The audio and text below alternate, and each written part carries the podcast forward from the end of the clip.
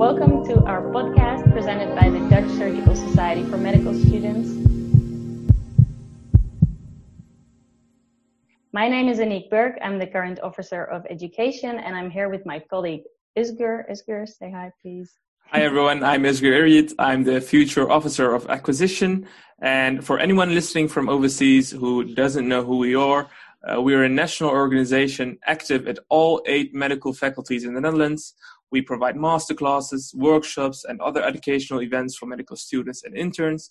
And this year, due to COVID 19, we've started making e learnings for our members and launched these podcasts, substituting the physical activities for online content. Yes, and of course, the substitution is hopefully only temporary. So for now, we would like to introduce to you Professor Dr. Peter Brennan, maxillofacial surgeon in, from the UK, and Captain Graham Shaw, pilot at British Airways and director of critical factors. Welcome to the both of you. Uh, hello, and thanks very much for inviting us. Would you both like to introduce yourself shortly? Uh, Graham, why don't, why don't you go first? Okay, well, good evening, everybody. I'm Graham, captain at British Airways, flying 777s around the world uh, but also director of Critical Factors, a skill sharing consultancy that shares skills in safety critical industries, skills from aviation to other industries, and in particular, healthcare. And when I'm not uh, busy flying airplanes or running in and out of hospitals, uh, you might find me hiding in an independent cafe somewhere reading a book or going for a long run with a podcast to relax. Great. And I heard you're also flying the 777 to bring surgical masks from Shanghai to London, which is also a very good activity. Yeah, we've, uh, we've uh, along with all my colleagues at British Airways, we've been, uh, and many other airlines too, of course, we've been flying PPE around the world, many, many tons of it now, and just trying to do what we can to support healthcare needs. That's great. Professor Brennan, would you like to introduce yourself, please? Uh, I most certainly can. And please call me Peter. That lowers hierarchy. We do a lot of work around lowering hierarchy, so that so that's really important. So I'm a maxillofacial surgeon. Uh, I specialise in head and neck cancer and reconstruction. I have a personal chair uh, in recognition of my uh, education and research profile, and uh, I think I've published about 600 papers and six major textbooks, including the new Gray's Surgical Anatomy, which is seems to be going down a storm. Actually, it um, uh, brings Henry Gray's original Gray's Anatomy into the 21st century. So his uh, his original book was uh, very much a descriptive and surgical textbook, and it's it's gone away from that. So the so the Grays itself has become a textbook of anatomy rather than a textbook of surgical anatomy. So so it's an absolute honour to be the editor of uh, of the new of the new Grays. Excellent, and uh, we don't usually have pilots or captains on our podcast or any of our events. In fact, uh, could you both explain what has caused you to work together? Well, I was introduced really to human factors about nine or 10 years ago by a patient who was a retired British Airways captain who had a horrible, horrible jaw cancer. And he spent several weeks in hospital having every complication under the sun, to be honest. And he had a very good friend who flew 747s for BA, and he was a frustrated surgeon, as I was a frustrated airline pilot. And we, we just hit it off, and he introduced me really to uh, all the human factors that we talk about, really. And um, so I suppose I was ahead of the game uh, in many respects. And over the last few years, I've, I've been publishing widely, working with with various people. And in the last year or so, uh, forms a very, very good relationship with Graham, uh, Chris, uh, and others at his fantastic critical factors. I think Graham, we've we've written seven or eight papers already, haven't we? And um, been involved in in numerous activities together. Yeah, we, we've, we've certainly collaborated on various things now, which is which has been great. I mean, my my entry into the world of healthcare came through professor of cardiology at a London hospital, who, uh, following dinner with him, we'd been chatting about human factors and how important they were, and he asked if I could come down and have a look at their cardiac catheter lab. Um, it's not the natural environment for an airline pilot, it has to be said. But actually, uh, as a trainer as well, it, it, wasn't too long before just uh, being familiar with observing human behavior, how teams work together. It was just natural to look at some of those aspects and get an understanding of the dynamics of the team. And it, it's sort of my involvement in, in medical human factors has grown from there. And connecting with Peter over social media has was the initial start of a, a relationship. But yeah, we, you know we've had many opportunities now to work together, and it's just great to continue driving the culture change in healthcare. I've heard you both mention just now human factors. I'm not sure if everyone listening exactly knows what those are and and why they're important. So if you would be able to explain a little further, that would be fantastic. Either one of you. Shall I take that one then, Peter? So I, I, think human factors. So let's let's start a little bit about the the term. So it's a very generic term, and it encompasses everything from you know, designing systems, procedures, checklists, through to how equipment interfaces with humans, and all the way down to how we as individuals perform and how we work together as a team.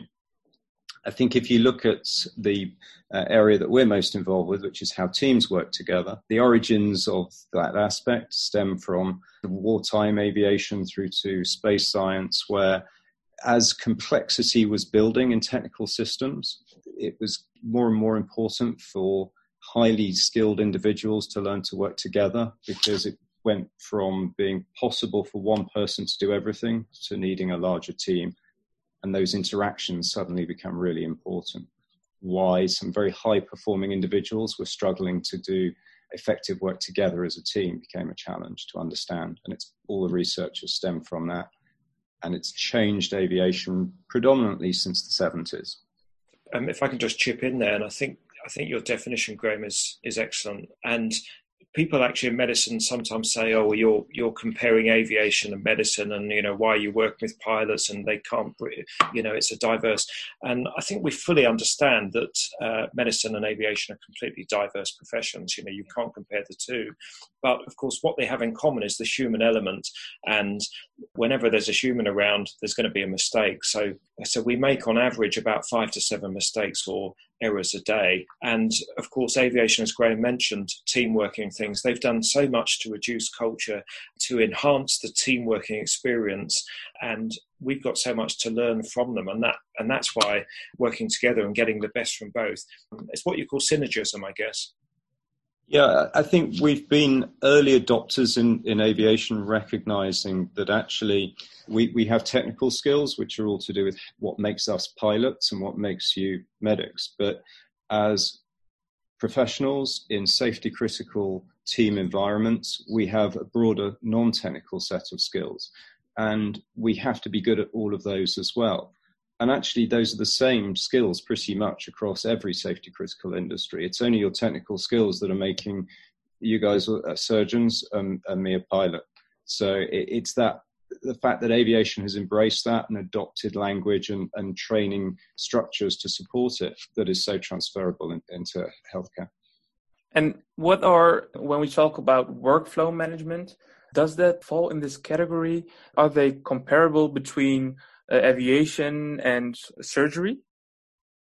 I'd say very much so. I think ultimately there's a limit to how much any individual or any team can take on at a point in time. And the further you can plan for that, consider where the peaks of, of demand are going to be so that you can manage your resource on a day, uh, the more effective and safer you'll be as a team. And that's just one aspect of, of many uh, transferable skills. And I think as as a team, Graham, you're only as strong as the weakest link, aren't you? Really. So, you know, giving other um, other team members, empowering other team members to take on tasks and things that they might they might not necessarily do, sharing workload, looking, uh, getting people to look out for you for looking for signs of fatigue or or things. All of those things are just so important.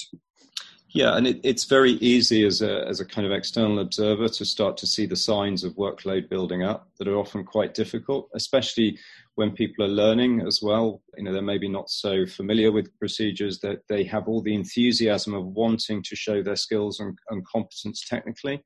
So they'll almost try and allow themselves to become busier than maybe they, they should be. So having a team that can understand that and support that learning to delegate to other team members. It's, it's all important workload management skills. So, so we would always say there's no I in team. So if you spell out team, there's no I in team, and that's a useful thing to remember. Yeah, definitely. I feel like, Graham, to touch on, on what you just said about the enthusiasm possibly overshadowing the, the non-technical skills when you're, when you're eager to start out and show what you can, uh, what you can do. What would you say is the most important non-technical skill to start learning from early on? It's hard to single out one that is, is singularly important. I mean, they, they all have their place workload management, funnily enough, is actually often cited because if you get too busy, you just don't have the, the capacity to start to rebuild your situational awareness or think about how you're going to communicate. So that can be very much a, a central one is make sure that you've got enough capacity to be able to pause and think. But equally, situational awareness, keeping an understanding of what's going on and thinking ahead to what's going to come next is hugely important as well and of course knowing how to, to communicate with the team. So it's very difficult to to pinpoint a single most important. It's like a jigsaw. If you take one piece out, the picture starts to fall apart a little bit. Yes, and something that's important for our listeners who are not so familiar with situational awareness. Uh, you have both talked about this before in to other audiences, of course. Could you maybe tell us briefly what is situational awareness and why is it so important? So this is a question that I got asked last year in my PhD viva, and I was asked by by a real expert, uh, a psychologist that that understands. So, um, so for me, it's actually very simple. It's it's what has happened to bring you up to this point where we are now, uh, what's actually happening right now in and around us, and that's both for the individual and for the team, and what might happen in the, um, in the future. So you can imagine just the the central part, what is happening right now with with all the things going on around us. Perhaps you can expand on that on that, Graham, as well. Yeah, I, I, guess actually we can use this very podcast as a nice example. But here we are, or, or our listeners are probably you know, sitting somewhere, or maybe going for a run like I do, listening to a podcast, and their, their situational, awareness is dictated by what they're listening to, what they're taking in. You know, we sense it from our environment, but that can be slightly limiting as well because whilst we're immersed in listening to the podcast, are we noticing what's going on in the room around us, on the street around us? So we have to use the senses, and we only have five of those, uh, some of which are not very helpful for the sort of work that we do, to build a picture of what's going on in the world. Uh, it's as simple as that. And from there, we can start to project ahead a little bit as well, thinking, well, how is this going to change? Because the situation in a few minutes may be slightly different to the situation now. So, what's the implication of that?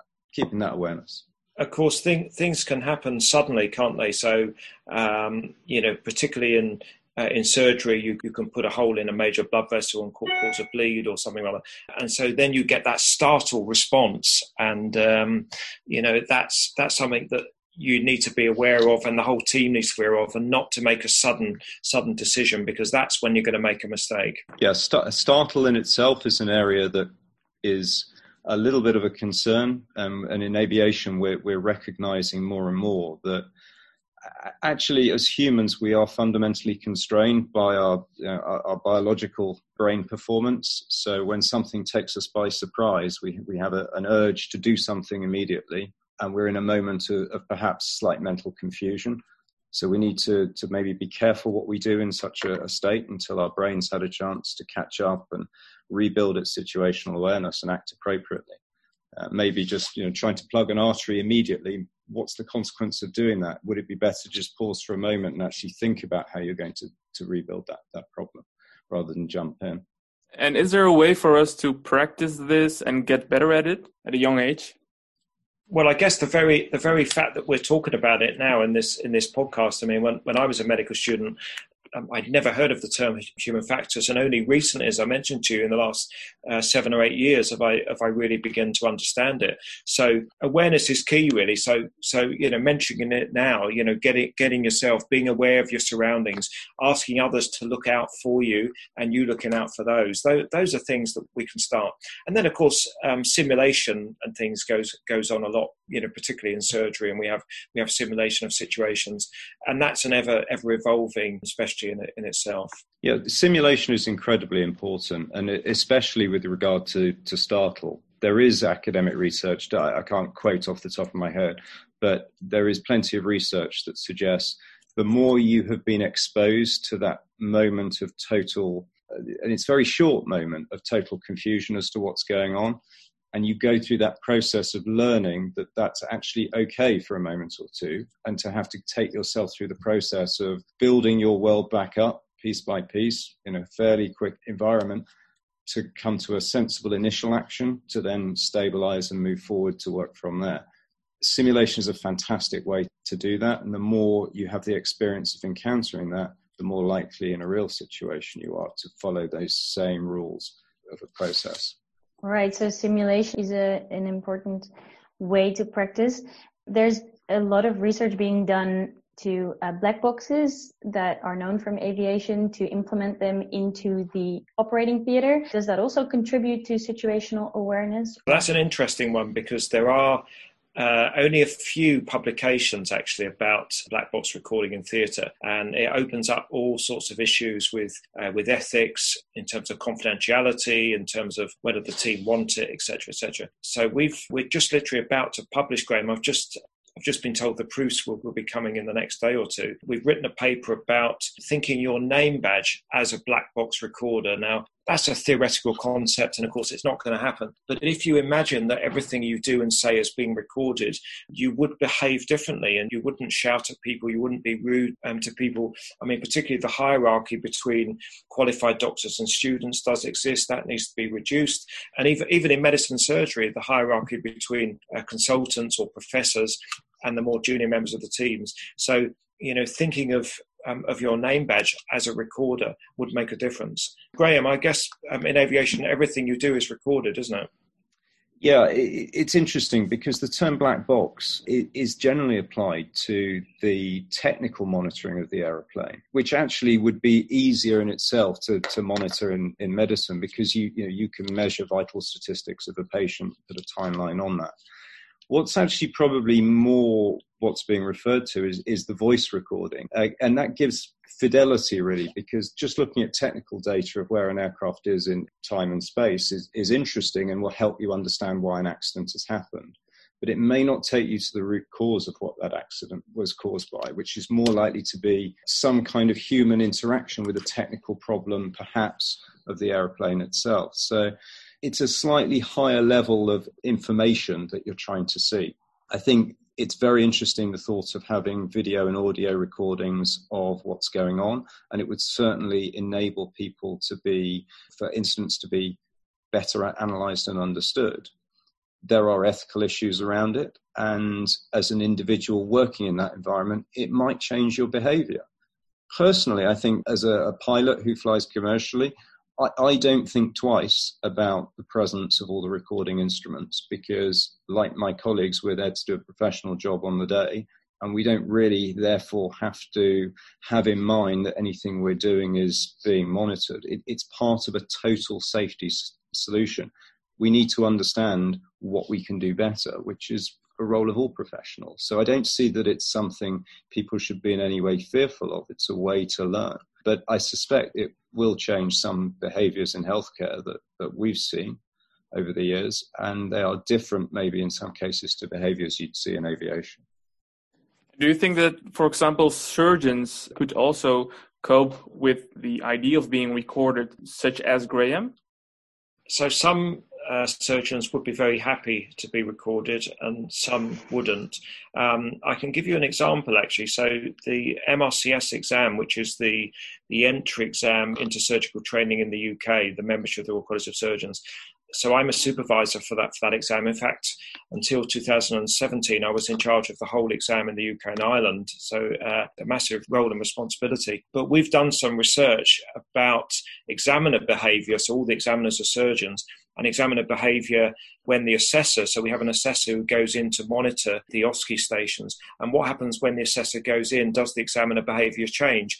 And we've been able to do that using remote cameras and things placed on the ceiling. And in fact, in fact, the, the surgeon's behaviour, the examiner, examiner behaviour does not change, which is reassuring. So when the assessor goes in to assess the examiner, they behave exactly the same, which is uh, which is reassuring. So I think it will come actually, probably give it 10 years, and I think you maybe will have a camera in theatre But of course, the problem with that is that there'll be black spots and things that you won't be able to see all parts of the theatre. You won't be able to see right into the surgical field, um, and of course, the ethical ethical concerns and things that go with it. Because the worry is, I guess, is that is that surgeons worry that could be used against them in any in any litigation. If, if anything goes wrong, the patient will say, "I want the evidence to sue you and the hospital and your team."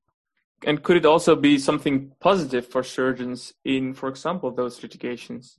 Uh, yes, yes, it could. And and I mean, for me, I think every every opportunity is a is a learning experience. And um, you know, we t- we talk about briefings uh, and we talk about debrief as well, which which is uh, perhaps not so familiar. But um, you know, debriefing the power of that, particularly with junior members, with medical students in our theatre, you know, we'll we'll take them away at the end of the case and we'll say, right, you know, what was that? Did you learn that anatomy? Give them something positive to take away rather than a negative experience that so many of us uh, have had during our undergraduate training. I think certainly we we don't tend to use black box data as part of our debriefing as such at the moment, but in a simulated environment, that's not uncommon, and it can be very powerful to take people back to a moment where something happened and say, you know, we, we can actually get you to relive that again because you've probably but forgotten what you said, what the body language was, and to be able to give a powerful demonstration of both positive and, and uh, perhaps occasionally negative consequences is a really powerful way of, of getting people to understand the impact of things that they do in terms of day to day procedure, it's very hard because, of course, the more data you capture, the more there is to process. So, is everybody going to play back an entire procedure? Perhaps if it's something new as a concept that they want to be able to deeply understand, maybe, but for a routine procedure, it's more likely to just be moved forward unless someone had a specific thing they wanted to refer back to. Yeah, I feel like it has a lot of potential to change the way we teach and learn. What do you both think about that? As well as looking back at ourselves and reflecting on our own actions, but also using it as teaching material, maybe later to a whole different audience or as a way to reflect as a team.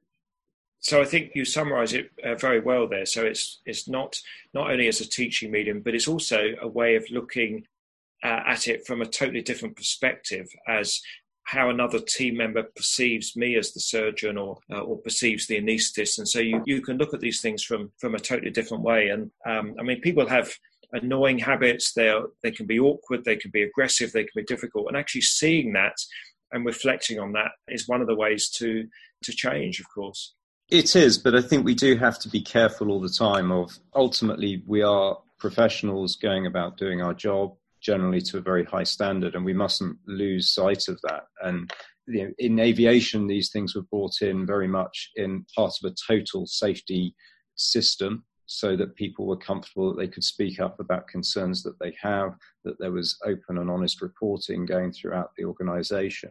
And, and clearly, introducing such a thing is sensitive and it needs to be carefully thought through so that the balance can be achieved between accountability, educational benefits, learning, and sharing that experience. In aviation, there is a lot of simulation also concerning the technical skills. I think in medicine, that is definitely a lot less, although it's starting to increase as well from what I'm seeing in medical school, but also I think after or specialists. How, as a as a student, can you simulate certain non-technical skills? In exactly the same way that you can simulate the technical skills, I think it's it's ultimately where the focus lies. So when we learn, we are often very focused on the technical skills. You're going to go in and learn how you're going to carry out a procedure, or in the same way that when people learn to fly different type of aircraft, they'll be focused on learning new systems or how they're going to actually operate it. And to some extent, during those learning phases, the focus on the human factor element does get relaxed. The difference between aviation and healthcare education is that that's sort of accepted whilst people are going through a major technical learning phase, but it's understood that that has to come back together at the end of that once they start to progress to the actual flying stage. I think there is so much that, that healthcare professionals are learning through their many years of, of education that the focus is very heavily on technical. And it's understandable because it is a very technical job and, and those skills need to be learned. So I think the problem is unless you embed all those human factor skills in the whole process, in the way that we do more with recurrent training, where people have the experience and the knowledge, and we're just refreshing it and, and maybe moving it forward a little bit, where it's totally integrated. And you might discuss the technical aspects of a procedure, but you'll also discuss how the crew worked together, how what was effective, what challenges they came together and overcame, and what specific behaviours supported that. So that at the end of the session, a crew will feel, yeah, they, they understand that technically, but they also know some really important things about how they work and the human factors. And it's combining those two things together so that they're perceived as part of one total skill set. You can't be an amazing technical surgeon with no human factors. It doesn't. You can't be one extreme or the other. You need to be a good practitioner at both. So I think the other thing is that most doctors in the UK, and I guess this is throughout the world actually, who get referred to the regulator. So in the UK, we have, we have the General Medical Council, and 80% of referrals uh, for doctors are not because they're incompetent surgeons, whatever. Um, it's due to communication and the soft, non technical skills that are so important and you look at the never events, you know, wrong site surgery, uh, retained instrument or swab, those those type of things. In fact, the term's a misnomer because you could never eliminate error, so so it shouldn't be called a never event. But nonetheless, most of those again are not down due to technical error; they're due to communication failures, they're due to, to breakdown in teamwork and loss of situational awareness, arrogance, and other things. So so these human factors and the non-technical skills and teaching them and you know that's why we're very grateful to be able to, talk to your to your medical students and actually you know tell you all the importance of these so-called soft skills. A lot of more senior colleagues will say oh it's irrelevant you know i don't need this i'm a brilliant surgeon. But but as graham says it's not just about the technical skills it's the non-technical skills that are so important. I think if, if you pause and think about it, I mean, how much of your own education were you told how to work together in a team, how to communicate effectively? What does it mean to be professional? These are concepts that there is an assumption by many industries that you, you just have those skills, that you know how to do those effectively. And of course, many of us have many of them beforehand to a varying standard because we may have been involved in school activities or scouting activities, sports clubs, whatever it may be. The difference is that in our industry now, we have a structure to make sure that people understand what they're aiming towards and to give them language and behaviors to get there so they know what they have to achieve as part of a holistic solution. And it's it's getting that concept out there understanding that yeah you know you, you can be brilliant in any area but you need all of these pieces together. So you're challenging us as a student to ask the supervisor basically to reflect on procedures and, and the moments we have with our patients, with the team as a whole. I'm taking away from uh, this. Absolutely. But really, the more you can get your educators to have the tools to explain that to you, you know, give you a picture so you can see where you're at and where you're trying to aim to, that's really what you need to have. Sounds like a great challenge. Yeah, absolutely. Uh, it's not easy. It's not easy. It's not, you know, in aviation, it's taken, what, 20, 30 years to actually change the culture. But it's starting in healthcare and think, you know, things are changing. And, you know, if you take, if you take that Gray's Anatomy book, to have a surgical textbook with the very first chapter talking about minimizing error in the operating theatre and recognizing non-technical skills and things and, you know, take you through that. 10 years ago you would never you would never be allowed to publish a textbook with that right at the beginning of a textbook you know so so things are changing I, I, think things are changing definitely. We, we are sensing that, and we're sensing that this COVID crisis is causing an appetite to break down barriers and, and actually find opportunities to capture what's been good that's been brought into healthcare recently, which is fantastic. Mm-hmm. And actually, another really positive thing about human factors is that a lot of it is actually almost, I say disappointingly in, in a slightly cheeky way, simple because there are no there's no rocket science in, it. It's not complicated. It's just understanding how the way we work together actually makes a huge difference to outcomes and recognizing that we have to learn and have clever ways to, to do that but they're not complicated ways. So it's not it's not a big step to have to make. It's just understanding the journey and where where you're going to go along it so I use the I use the analogy common sense, and a lot of us when we go to work, go to the hospital, we leave that common sense at the front door, and so we go, we go in and we forget to take the breaks. We work for eight hours non-stop. You know things that we would we wouldn't do outside of the hospital, but we leave common sense at the front door of the hospital. And so, so much of my own work has been around bringing that common sense through the hospital door with us, making sure you eat and drink regularly, making sure you take the break, making sure wellness and well-being and you take things outside of work so important. Absolutely. I feel like we could do a whole other podcast on uh, hierarchy as well. Oh, definitely, definitely. Yeah, and of yeah. course, you're both actively working to reduce it on, on both of our fields. Yeah. And to finalize the podcast, of course, do you both have any last tips for our future doctors on hierarchy or anything else you want to tell our students? I think the big thing I would say people should take away, if there's one thing, is a sense of everybody owns the safety of the patient. In aviation, everyone has a responsibility to look after the safety of the aircraft. It doesn't matter what your role is, everyone buys into it, everybody contributes.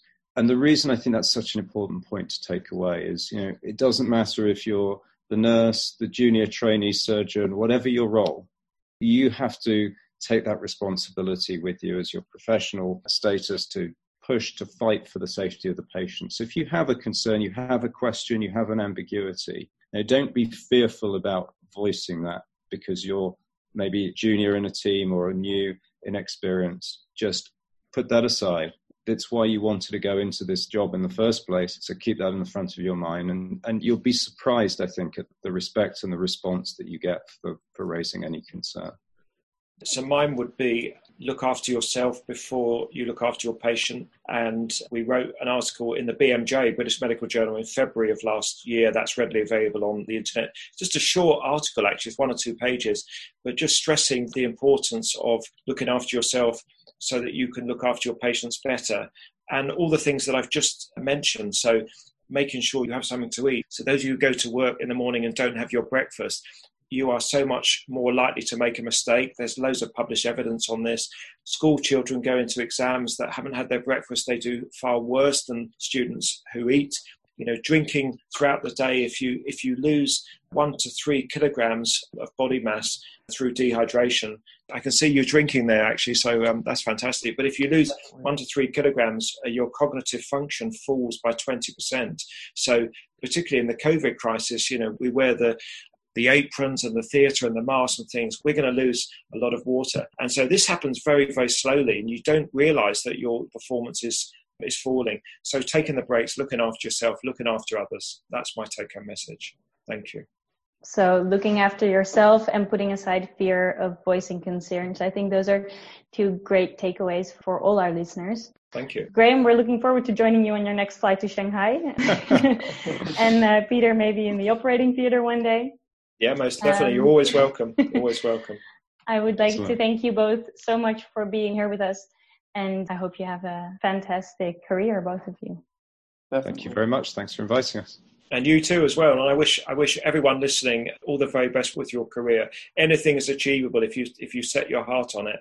You know, I've come from absolutely nothing. My parents weren't educated. And if you set your mind on doing something, you can achieve anything at all. So the very best of luck to each and every one of you. Thank you.